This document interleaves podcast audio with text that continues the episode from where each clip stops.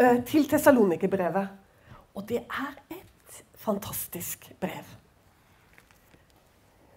Eh, og det begynner allerede i det første kapitlet, liksom, hvor Paulus bare Han er så inn til kjernen av vårt håp. Liksom, det er som Når han snakker til tesalonikerne, så er det som han skreller alt unødvendig av troen. Og så taler han til dem helt sånn rett inn til kjernen av vårt håp og det som vi bygger på. Og det begynner han med, som jeg sa, i det første kapitlet. Niende verset. For selv forteller de om oss Det blir en litt sånn tung eh, førstesetning, så jeg tror jeg hopper over den. Men det, det, handler, det er egentlig et kompliment til tessalonikerne. Og så sier han det Hvordan dere vendte dere til Gud fra avgudene for å tjene den levende og sanne Gud. Og så kommer det. Og vente på Hans sønn fra himlene, som han oppvekte fra de døde. Jesus. Han som frir oss fra den kommende vrede. Oh, altså Her har han bare liksom komprimert hva det er å være en kristen i verden i fire setninger. Altså hvordan vi omvendte oss ifra avgudene for å tjene den ene og sanne, levende Gud. Og så kommer det. Og det er bare så utrolig viktig. Og han kommer inn på det så mange ganger til tessalonikerne spesielt. Men du har det gjennom alle brevene til alle apostlene. Å vente på ham. Vente på ham. Og du Det står så fint. Han som frir oss fra den kommende vrede. Og så bare blar vi om, og da er vi i det fjerde kapitlet. I det 14. verset så står det For så sant vi tror at Jesus døde og sto opp, så skal òg Gud ved Jesus føre de hensovede sammen med ham. Ja, Da må vi ta med Paulus òg, for det er ikke bare de hensovne som skal få lov til å være med. Men det er også de som lever til han kommer. Du, nå er vi ved trosbekjennelsen. Altså, så sant vi vet at han døde for oss, at han sto opp fra de døde Men ikke nok med det. Vi har også dødd med han. Og vi har stått opp med han. Men så sier Paulus det er noe mer enn det. Vi skal mer enn å stå opp, liksom, eh, med ham. Men vi skal bli oppreist i herlighet med ham. Og det er det som er menighetens oppgave å vente på. Mens vi virker i denne verden for å fortelle så mange Gud gir oss anledning til å vitne for. Ved Hans nåde og med den utrustning den enkelte har fått så lenge vi er her, så skal vi virke for ham. Men dere Altså, det er, så, det er så skrelt her at det nesten ikke er med. For, for, hovedsaken her, det er dette, altså. At vi er korsfestet med Han, vi er oppstanden med Han, men vi skal mer enn som så. Vi skal herliggjøres med Ham. Og det er dette som er den første tids menighet. Håp. Du finner det gjennom hele Nyttestamentet. Det er dette som er håpet. Det er det de venter på. Og du det, det som er så bra, er at Peter han fanget inn spotten han som ville komme i den siste tid. I forhold til akkurat dette. At vi slutter å vente på han. Og så sier Peter i det andre brevet, i det tredje kapitlet Vi får gå og sjekke det kanskje i kveld før du legger deg, for jeg vet ikke om jeg tar meg, tar meg tid til å gå innom der nå. Men jeg kan si ganske ordrett hva han sier. At det kommer spotter i den siste tid som håner dette med Jesu gjenkomst. Det er ikke noe viktig. Det er ikke noe greie lenger. Og så, og så sier de attpåtil han, hvor blir det han, liksom? Nå har, nå, nå, har liksom, nå har, dere malt om dette her i tusen år. Og det er da Peter sier, vet dere ikke at én dag for Gud er som tusen år? Du, det er så bra. Altså, Bibelen har liksom bare Den er nøyaktig, den.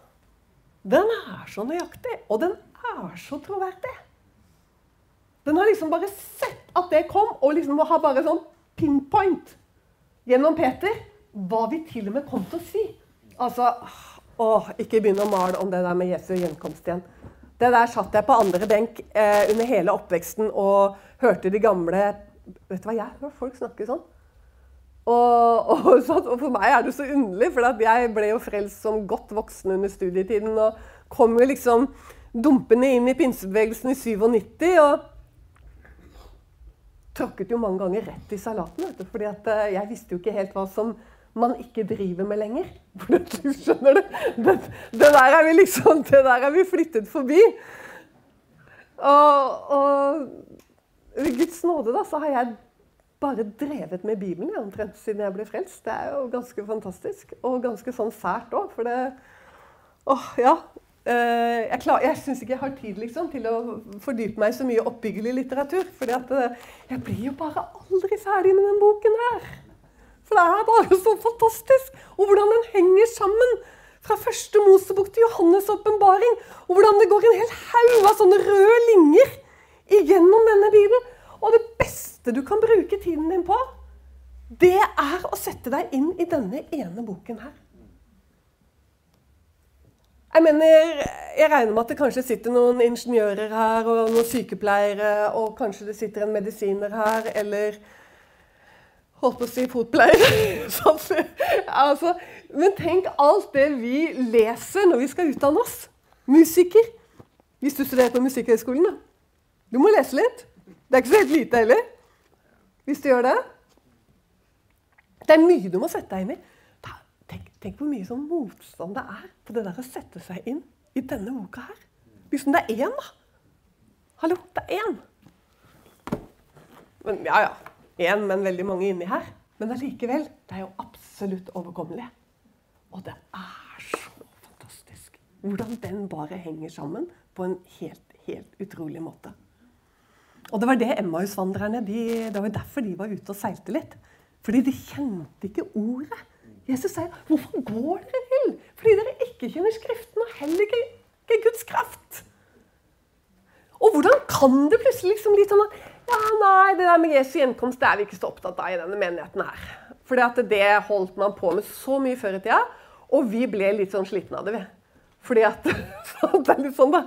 Men hvis du tenker på Nå tøyser jeg litt, da. Men hvis du tenker på hvor mye det står om det i Det nye testamentet, glem det! Du kan ikke parkere deg. Du kan ikke liksom si at uh, Nei. At uh, vi har tatt en pause fra det, liksom. For det holdt man så mye på med før, så nå har vi tatt en pause fra det. Det går ikke an. Fordi det står så mye. Og nå skal jeg gjenta meg selv. For jeg har sagt det mange ganger før. Hvis du gjør det, så må du kjøre slalåm gjennom hele Nytestamentet. Fordi det står nesten på annethvert ark om hans komme. Og derfor er det også i trosbekjennelsen. Skal derfra komme igjen for å dømme levende og døde. Og når Paulus, eller unnskyld, Peter allerede for 2000 år siden allerede tok den greia om spotten som ville komme i den siste tid At liksom Nei, det, liksom, det har vi slutta å holde på med. Og nå har det gått 2000 år, og når kommer den, liksom? På tross av at Jesus sa at det kom til å gå lang tid. Sa han det? Det kommer til å komme lang tid før jeg kommer igjen. Sa han det? Ja, han sa det. Han sa det i en lignelse når han talte om den kongen som reiste bort langt av sted for å få kongemakten. Og når han hadde fått kongemakten, så kommer han tilbake igjen. Der om talentene. Les om talentene.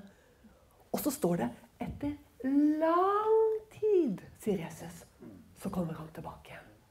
Og da sier han at da kommer han som en tyv om natten. For det er en haug av mennesker som har sluttet å vente på ham. Det er som bare de venter ikke lenger. Og det er jo det disse her eh, jomfruene vet du, Det er jo det det handler om med dem.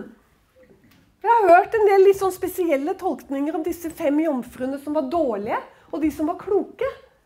Uh, men du vet at de fortjener virkelig å være dårlige. Vet du hvorfor? For de hadde sluttet å vente. Årsaken til at de ikke hadde lys på lampen Det har kommet veldig mange underlige tolkninger på hvorfor de ikke hadde lys på lampen. Vet du hvorfor de ikke hadde lys på lampen? For de tok ikke olje med seg. Og de hadde én oppgave, og det var å lyse. For disse jomfruene de var bruder, og brudene De var adskilt fra brudgommen i ett år før brudgommen kom og hentet dem. Dette er det gamle hebraiske bryllup. Og det jeg sier nå, er ikke en tolkning, det er fakta. Bruden var adskilt fra brudgommen i minimum ett år. Og hennes oppgave var å alltid ha lyset tent. For det var tegnet på brudgommen at han var ventet. Så når hun ikke hadde olje i lampen sin, så er det så profetisk! Og det er bare helt henger sammen med Paulus og Peter når de sier at vi kommer til å slutte å vente. Ikke alle. Men guri, det ser nesten ut som det er en slags 50-50. Skikkelig ekkelt. Det forsvinner ut av forkynnelsen. Det er, liksom, det, er, det er, ingen som sier at de er imot det. Nei, langt ifra. Det, men det bare sklir ut. Vi, vi, liksom, vi er ikke opptatt av det. Vi er opptatt av veldig mange ting. Aktiviteter og tusen ting vi holder på med. Men brudgommen De fortjente at Jesus sa at de var dårlige. For de hadde én oppgave, og det var at de lampene skulle lyse. Og du vet at en oljelampe skal aldri noen gang lyse uten olje. Så det er utrolig lite poeng å dra med seg Dra med seg lampa. Hva? Og ikke ta med deg olje. Hva skal du med den lampen? Altså, hva skal du med den? Hvis ikke du har tatt med deg oljen. Og det er nesten sånn i Det nye testamentet. Altså, Nesten litt sånn, altså. Hva skal du med Jesus? Hvis du har sluttet å vente på han Han er brudgommen din. Han er din elskede. Og vi, vi lever her i denne tid. Hvordan skal vi få nøden på rette måte overfor alle de rundt oss? som virkelig er ute og vandrer. Hvis ikke dette er klart for oss, at han kommer for å redde oss ifra vreden, dere. Og vreden kommer. Det kommer et vær over denne verden. Det har bare så vidt begynt. Å, jeg orker ikke å høre om de greiene der. sånn. Nei, men da orker du ikke å lese Bibelen heller. Og du orker du ikke å forholde deg til Guds ord. For dette er Guds ord. Han kommer for å fri oss ifra vreden. Den kommende vrede. Det står til og med Du har mange ganger lest 'Ta frelsens hjelm på'. Ja, jeg tenkte OK, dra hjelmen liksom. Ja, ja. Jo da, det gir mening. At frelsen er en hjelm, liksom. Men det er virkelig en hjelm. Spesielt for oss som lever i denne tid. For vet du hva det er? Den frelsen, og i den sammenhengen det står, så er det om at han kommer. Han kommer for å hente oss, så står det Ta frelsens hjelm, står det. Ikke, ikke, der hvor han går gjennom hele rustningen. Det er ikke der det står. Det står i Tessalonikerbrevet. Ta frelsen hjelm på. Og så sier Paulus, for dere er ikke bestemt til vrede, men til frelse. Hør du? Vi er ikke bestemt for vrede, men vi er bestemt til frelse. Og da er det hjelm, da. Oi, så skjønt. Men samtidig så blir det jo Å, Gud. Hva med mine? ikke sant? Hva med, ja, hva med naboen? Ja, men Eva, du mener ikke at jeg skal gå ut og si at, uh, at de må omvende seg? Fordi at uh, han kommer snart. Og denne verden her ligger innenfor vanvittige ting. Jo, vet du hva? Faktisk, jeg tror jeg mener det.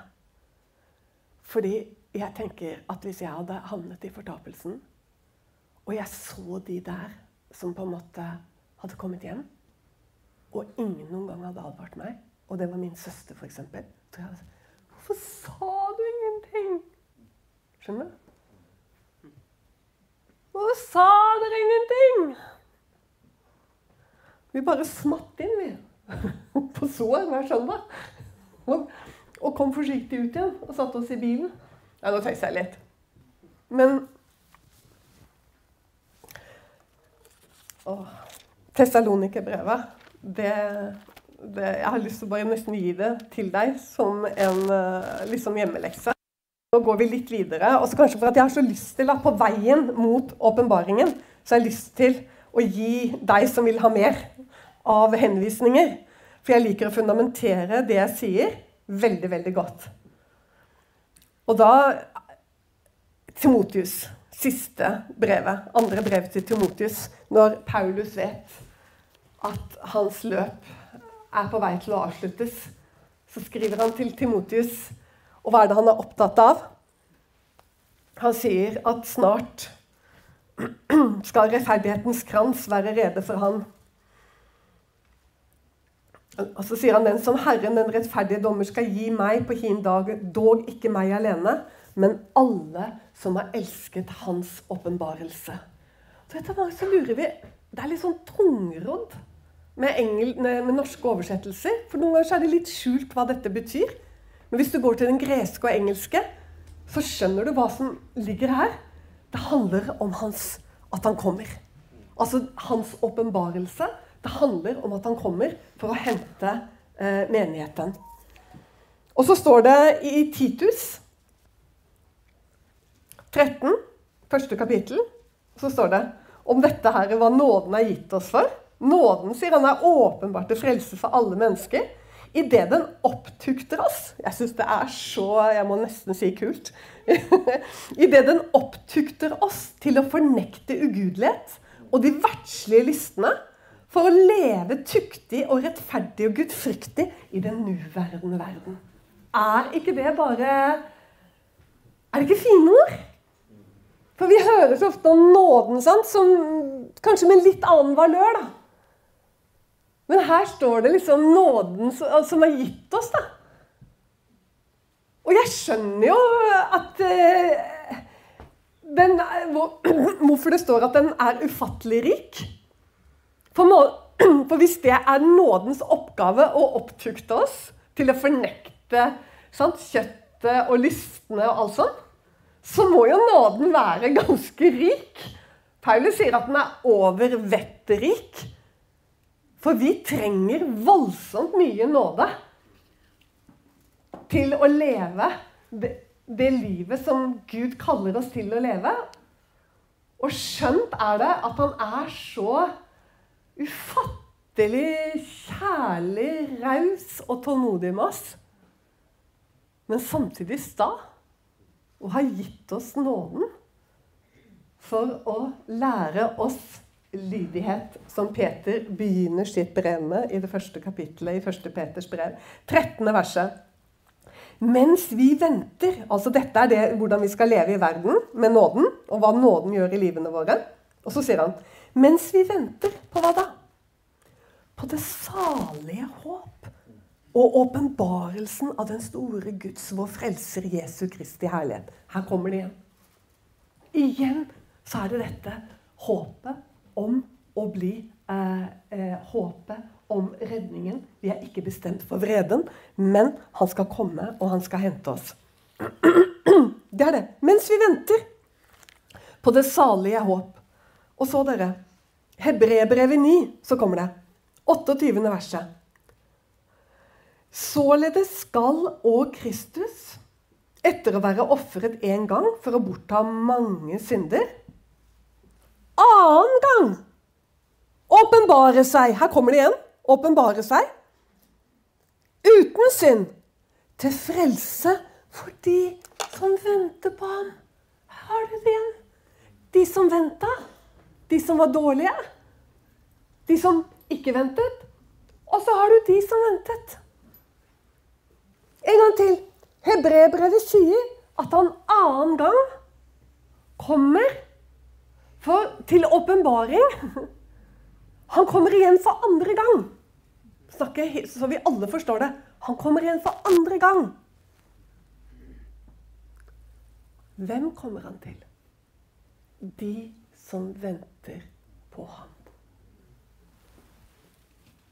Du, og dette ordet vente her sånn, på gresk, det handler om å vente med iver. Altså med lengsel. Virkelig vente på han. Er ikke det bare så spennende? Er det ikke bare så spennende? Han kommer til de som venter på ham. Det står ikke at han, at han kommer liksom til menigheten. Han, kommer, altså, han kommer til de som venter på ham. Og da skjønner vi jo hvorfor det blir så viktig å få en hel hærskare av Guds menighet til å slutte å vente. At det ble helt sånn fjernt, liksom. Ser du åndskampen inni dette her? Det er som en katalysator på friskhet i en menighet. At de venter. At de er opptatt av at han kommer igjen. Det er liksom en menighet som ikke er opptatt av at Jesus kommer igjen. Det er liksom som en menighet som går rundt og skrangler med en uh, oljelampe og, og ikke har olje oppi. Det er Skriften, ikke mine ord.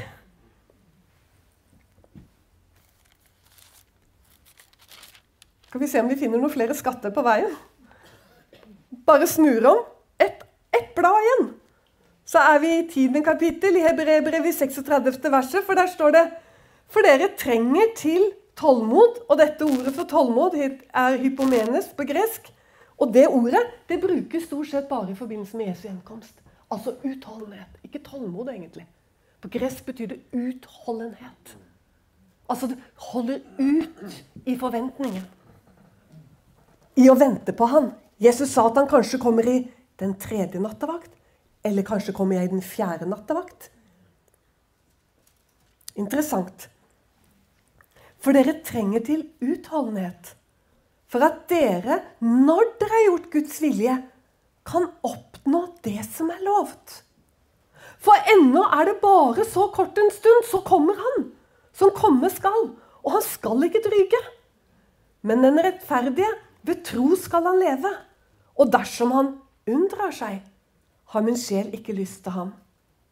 Men vi er ikke blant de som unndrar seg til fortapelse. Vi er dem som tror til sjelenes frelse. Og så har jeg vært innom eh, andre Peters brev, for det nevnte jeg for dere om spotterne. Og så går vi til Johannes' åpenbaring. Og så skal vi være der litt i det tredje kapitlet. Eh, for der er det eh, noen menigheter.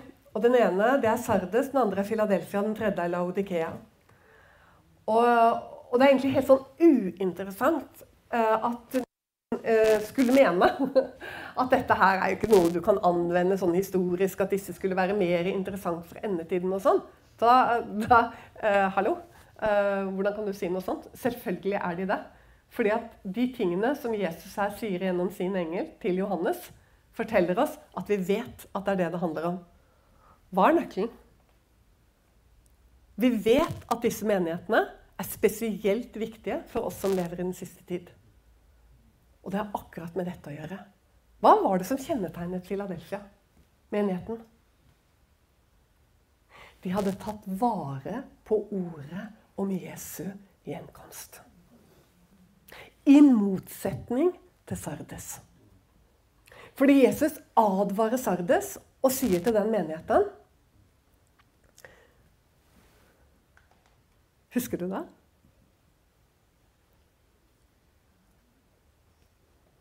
Han advarer Sardes og sier at hvis ikke du omvender deg, Sardes, så vil jeg komme over deg som en tyv om natten. Og tyv om natten i Det nye testamentet det er alltid i forbindelse med Jesu gjenkomst. Alltid. Så når det står tyv til Sardes, så er det akkurat dette som er fokuset. Men det som er så sørgelig med Sardes, det er at den, den har navn av å leve. Hjelp. Og da tenker jeg at da er ikke Sardes en sånn da er ikke Sardes en liten sånn herre, hva skal du si, bygdemenighet som holder koken, liksom. Jeg tenker Sardes som noe Noe som synes. Noe som på en måte er litt sånn proft og stort og flott. Og den har navn av å leve. Og hvis du har navn av å leve, da trekker du folk. For man har jo ikke lyst til å gå et sted hvor det er navnet at det er dødt. Hvem er det som vil gå dit, liksom? Uff a meg, der er det jo bare noen sjeler ah, som er minst 80, liksom.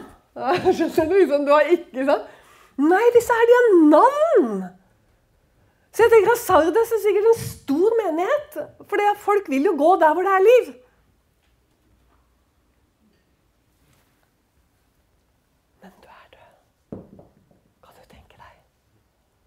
Men det er noen.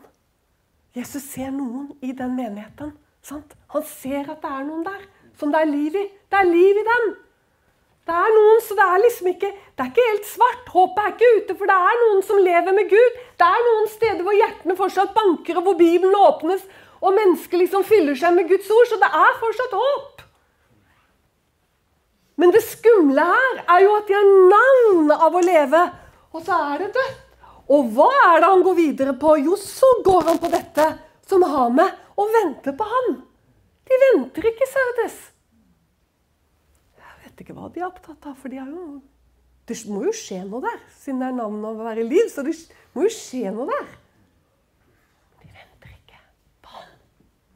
Så sier Jesus, hvis ikke dere omvender dere, så kommer jeg over dere som en tyv om natten. Tyv om natten? Tyv om natten. Han skal ikke komme til menigheten som en tyv om natten. Han må ikke det. Det er jo ikke det som er meningen.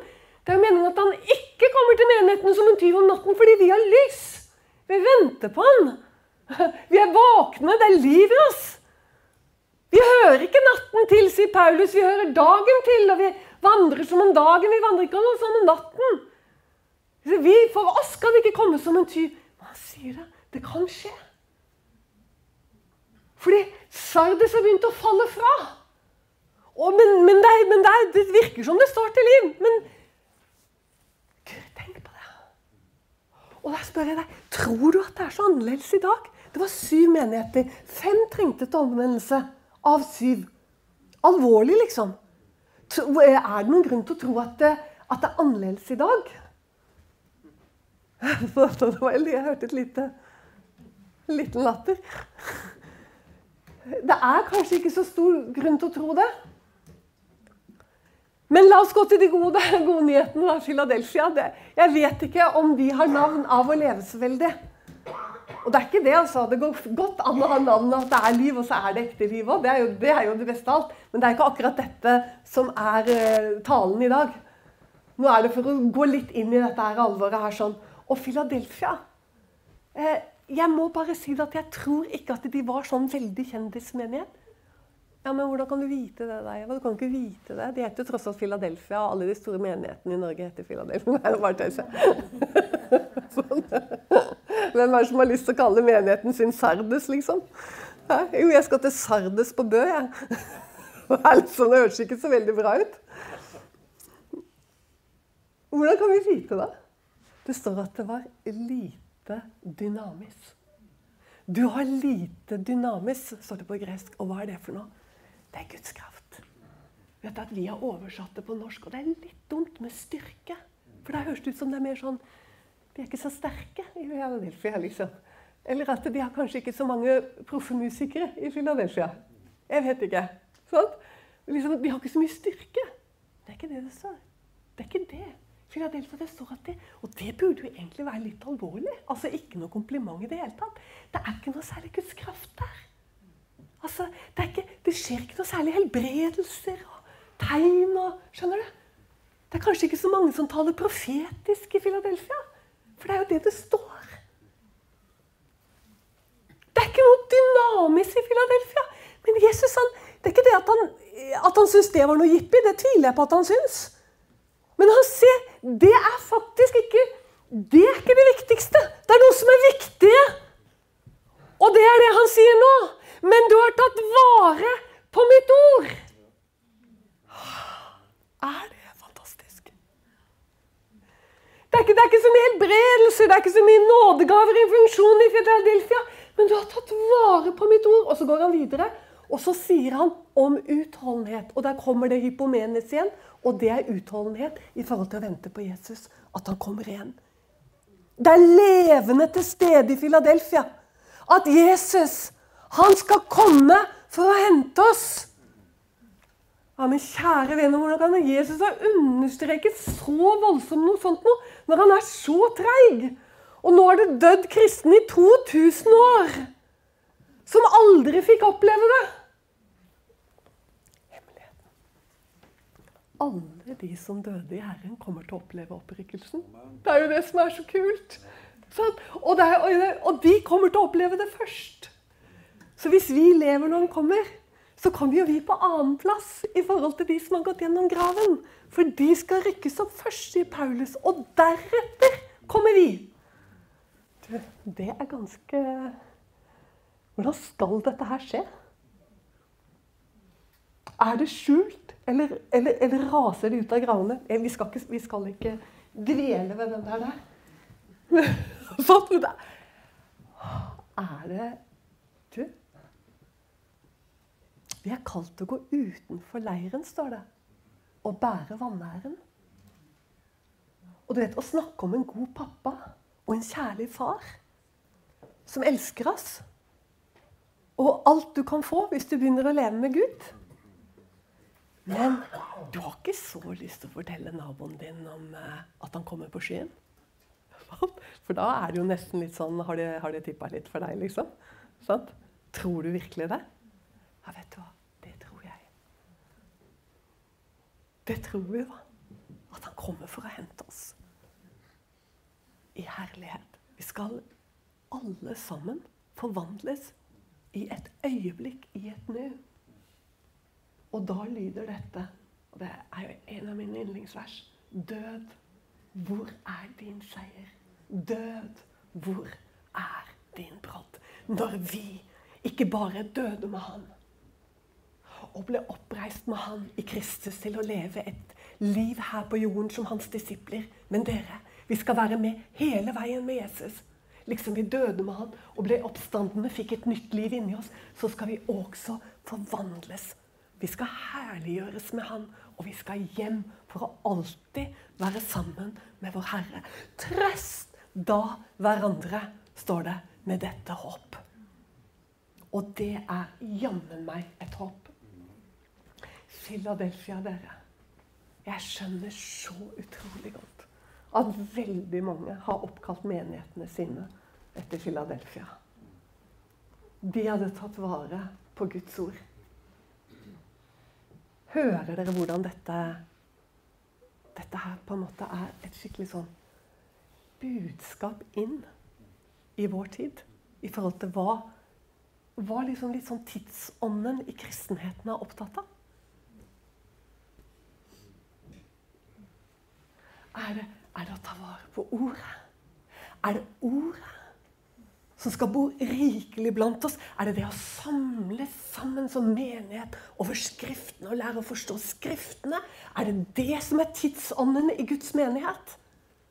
Å samle seg om vårt om jeg blir litt gammelmodig vårt salige håp om at Jesus kommer snart. Og alle de stedene i Det nye testamentet som trøster oss med dette håpet. At vi skal ikke uh,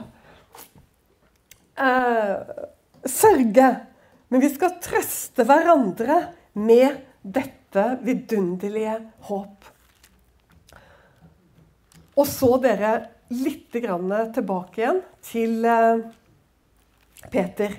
Fordi Fordi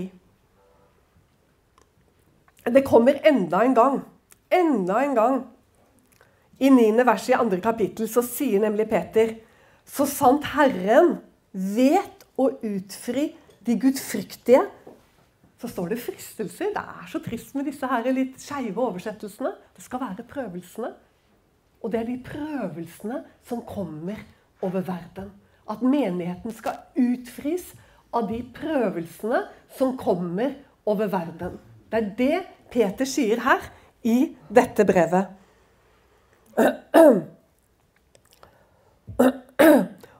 Og så, i versene før, så skriver han jo om Noah og om Sodoma.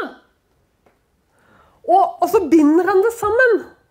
Og det er fordi de har lært Altså, Paulus Unnskyld. Peter har lært av sin mester.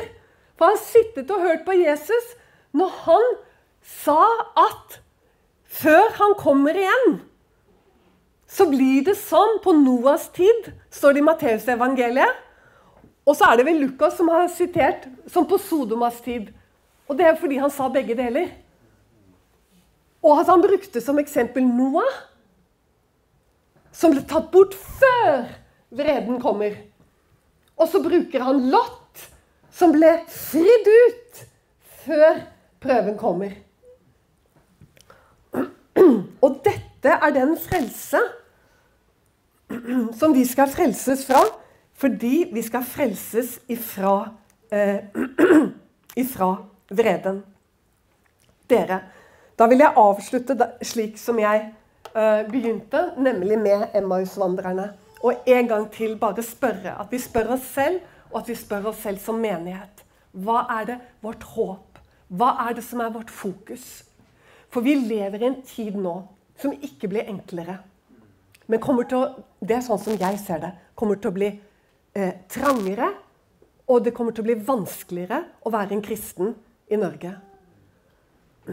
Hva er vårt håp? At det kommer en megavekkelse som koster inn i Stortinget og på si og feier med seg politikerne i en, i en herlig vekkelse? Altså, jeg har respekt for mennesker som har fått det i et sinn, og som tror det. Men enn så lenge, når ikke jeg har sett det, så velger jeg å stå i det som jeg ser i Guds ord. Fordi jeg vet at Hvorfor går vi vill? Fordi vi ikke kjenner Skriften, og heller ikke Guds kraft. Så det vi trenger som menighet, slik Bibelen lærer oss, det er å utruste oss for den tiden som kommer. Og hvordan skal vi utruste oss for den tiden som kommer, som kommer til å bli trangere og vanskeligere på alle måter? Og hør nå, den behøver ikke å bli det. Det er jo det som er litt skummelt. Hva mener du med det, Eva? Jo, for det finnes en løsning for å ikke få det sånn. Ja vel. Selvfølgelig. Tilpasning. Tilpasning. Og en av tilpasningene er kanskje at det med Jesu gjenkomst det blir så kontroversielt og spesielt. Så det kan vi ikke løfte for mye opp i menigheten vår. Til, altså tilpasning. Tilpasning til verden. Og, altså, ettersom myndighetene legger pålegg på oss, ettersom de bestemmer hvordan vi skal ha vårt indre liv, og hvem vi skal ha i eldsteråd. Og, jeg mener, vi kan tilpasse oss. Men, men, hvis man som enkeltperson og menighet ikke vil tilpasse seg, mens vi vil tilpasse oss Guds ord Altså, Vi vil ikke den tilpasningen, vi vil, vi vil den tilpasningen. Da, vet du Da må du ha håpet ditt fundamentert jeg håper å si trosbekjennelsen. Altså, du, du, må ha det. Den er ikke dum, den trosbekjennelsen. altså. For Folk kunne ikke lese og skrive, men de klarte de kunne trosbekjennelsen utenat. Og det var skikkelig god nødrasjon. For da visste de hva de bygget på. Du må vite hva du bygger på. Du kan ikke bygge på at det kommer en megavekkelse over Norge, som man begynner å synge om hver eneste sommer på hvert eneste sted. Og så går det et år, og så har det gått 10, og så går det 20, og så går det 30, og så 40. Og ennå venter vi på den! Og det kan godt hende den kommer. Jeg sier ikke at den ikke kommer, men vi kan ikke begynne å bygge vårt håp på det, sånn at vi forkynner det. liksom. Det er det vi forkynner. Det går ikke an. Vi må forkynne Guds ord. Håpet ditt. Trøst av hverandre med dette håp. Han kommer snart. Noen sier til meg ja, men vekkelsen kommer veldig snart. Jeg hørte var en på Facebook nå som la ut at snart så skulle hele vekkelsen komme til å bli så svær at den kom til å dekke Hva det sto for noe? Hun sa den kommer til å dekke eh, jorda eh, Eller havbunnen, liksom. Som Ja, nei, jeg klarer ikke å gjenta det. Det var, det var veldig, det var veldig, veldig, liksom. Og den kommer snart.